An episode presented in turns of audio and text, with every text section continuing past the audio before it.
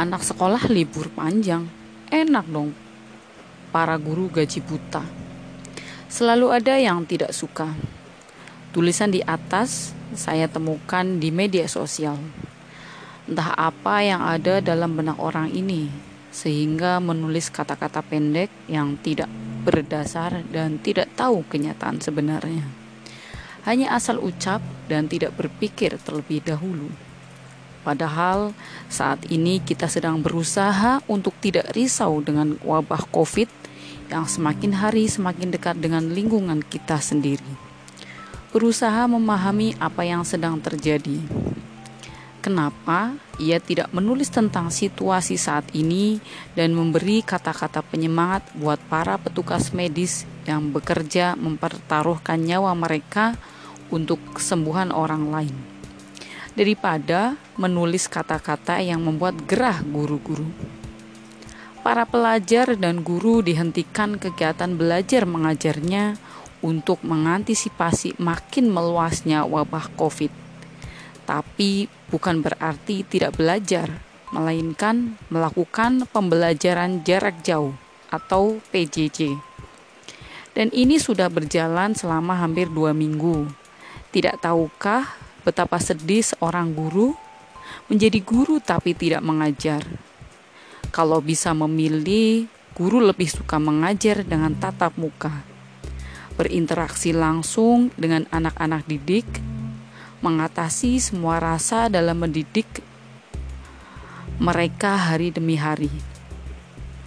Betapa bangganya sebagai guru bila anak-anak didik menguasai apa yang telah diberikan, atau mungkin mereka kadang bisa lebih pandai dari gurunya atau sikap manis mereka bila ingin melakukan permintaan agar dikabulkan, atau rasa jengkel saat menghadapi mereka.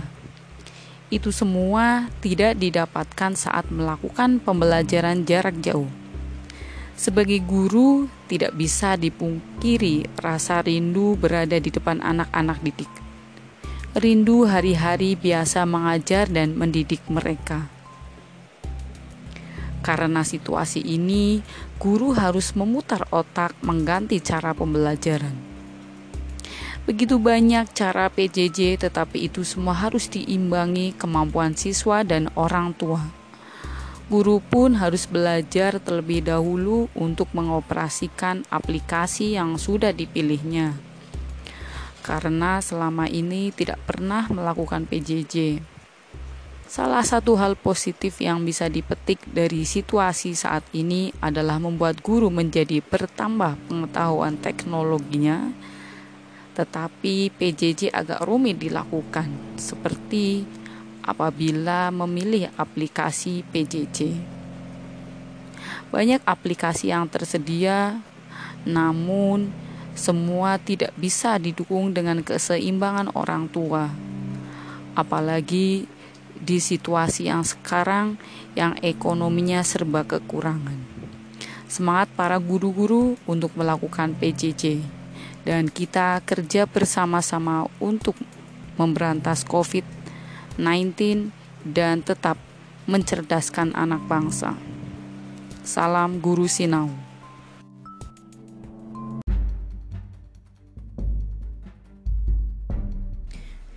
EXO Love Shot